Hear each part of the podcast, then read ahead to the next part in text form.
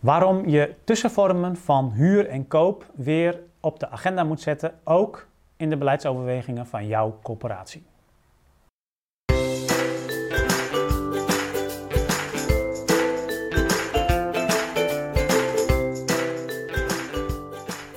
Ja, in deze aflevering wil ik het dus met je hebben over al die vormen zoals te woon, koopgarant, eh, die een aantal jaren heel populair zijn geweest onder corporaties om daarmee te beginnen.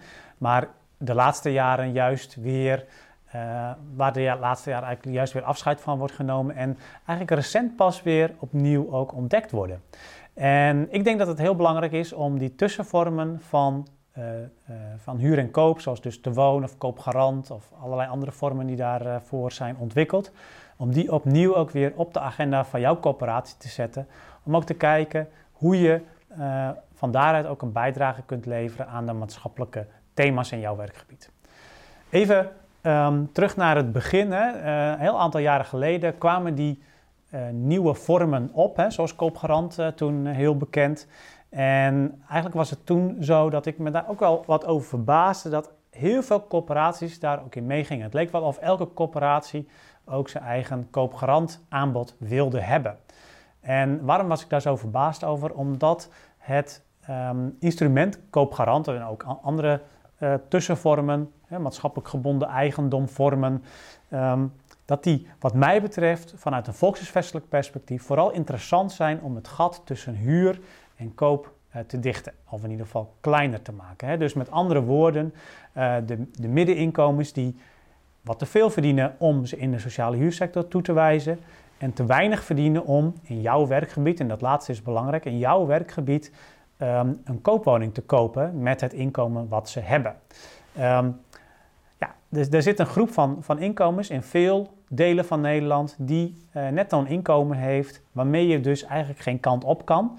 En daarin is zo'n uh, maatschappelijk gebonden eigendom tussenvorm is een heel goed idee om, uh, om aan te bieden als coöperatie.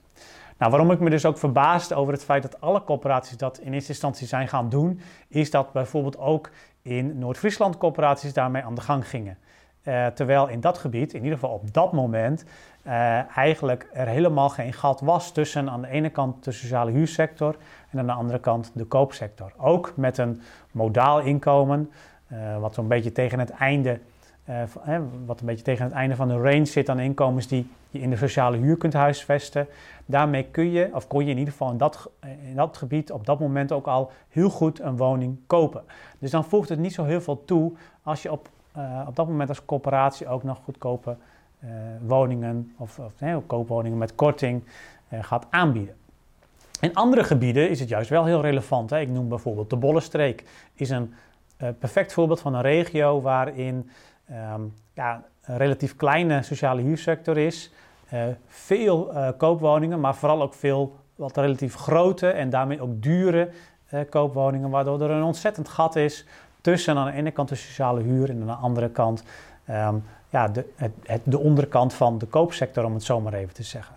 Bovendien is er in die regio ook nog eens een keer zo dat de, de wat grotere steden, waar dan wel bijvoorbeeld wat kleinere appartementen beschikbaar zijn uh, die wat goedkoper zijn uh, om aan te schaffen of eventueel in de particuliere sector te huren. Ook dat is beperkt uh, als je kijkt naar de Bollenstreek aan zich. Hè. Je hebt natuurlijk Leiden, wat ook al een stad is die vol onder druk staat. en ook andere steden in de buurt, in de Randstad, staan, staan onder hoge druk. dus dat is een perfect voorbeeld van een, van een regio waar het wel zou werken. Um, wat mij dus verbaast is dat iedereen het als een soort van, van, van, van uh, ja, hype, uh, in die hype meeging. En later ook weer, um, de laatste jaren en nog steeds wel voor veel corporaties geldt dat, is dat iedereen er ook weer van af wil. Ook onder druk bijvoorbeeld van het feit dat je best wel veel geld ook moet reserveren om ook weer in de toekomst woningen te kunnen terugkopen. Wat ook weer gevolgen heeft voor je financiële ratio's. Negatieve gevolgen uiteraard in dit geval. Dus ook vanuit dat oogpunt uh, zie ik veel corporaties ook weer, uh, weer afstappen van uh, te wonen en te koop en, en, en dat soort koopgarant, dat soort vormen. Um, en eigenlijk verbaast mij dat dus eigenlijk in beide gevallen, zowel bij de opkomst van dit soort instrumenten als in de laatste jaren bij de, de, de teruggang van dit soort instrumenten, dat eigenlijk helemaal uh, niet, of in ieder geval heel weinig is gekeken naar wat is nou echt de volkshuisvestelijke impact en zou je het vanuit dat opzicht wel of niet moeten doen. En mijn oproep vandaag is om ook weer opnieuw te kijken naar dit soort vormen. Um, echt te gaan kijken als eerste, is het in mijn werkgebied een interessante toevoeging als ik gewoon kijk naar um, het gat tussen de sociale huursector aan de ene kant en de koopsector aan de andere kant. Is er een groep van mensen voor wie ja, korting uh, op een koopwoning met dan ook het recht van de corporatie om die woning weer terug te kopen met korting uh, als die koper hem weer kwijt zou willen. dat soort instrumenten, is dat een relevante toevoeging? Um, kijk daarbij natuurlijk ook van, zijn er misschien ook andere, makkelijkere manieren om die groep dan te bedienen? bijvoorbeeld door gebruik te maken van de uitzonderingen, zodat je mensen met een wat hoger inkomen, met een middeninkomen, toch in de sociale huursector kan toewijzen. Dat kan natuurlijk ook als dat een beperkte groep is. Um, maar ga vanuit dat volkshuisvestelijke perspectief kijken.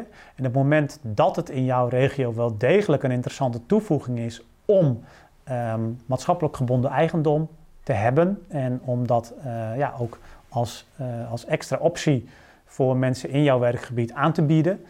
Um, ga dan vervolgens ook kijken van hoe kun je dat dan ook op een slimmere manier doen dan uh, in het verleden is gedaan. En ook op een slimmere manier. En daar ga daarbij ook het gesprek aan. Dus uh, niet alleen maar met aanbieders van dit soort instrumenten, maar ook bijvoorbeeld met de, met de toezichthouders, hè, dus de WSW, AW, om te kijken van kun je dat ook op zo'n manier doen dat er ook een reële uh, reservering uh, op je balans uh, voor staat. Dat het ook niet al te veel impact en niet, in ieder geval niet een onevenredige negatieve impact heeft op je financiële ratio's. Um, en dan denk ik dat het een heel waardevol instrument kan zijn om ook in de komende jaren als corporatiesector voor de middeninkomens wat te doen. En tegelijkertijd ook um, ja, middelen vrij te spelen waar je op dit moment dan ook weer andere dingen mee kunt doen. die ook weer ten goede komen aan de lokale volkshuisvesting.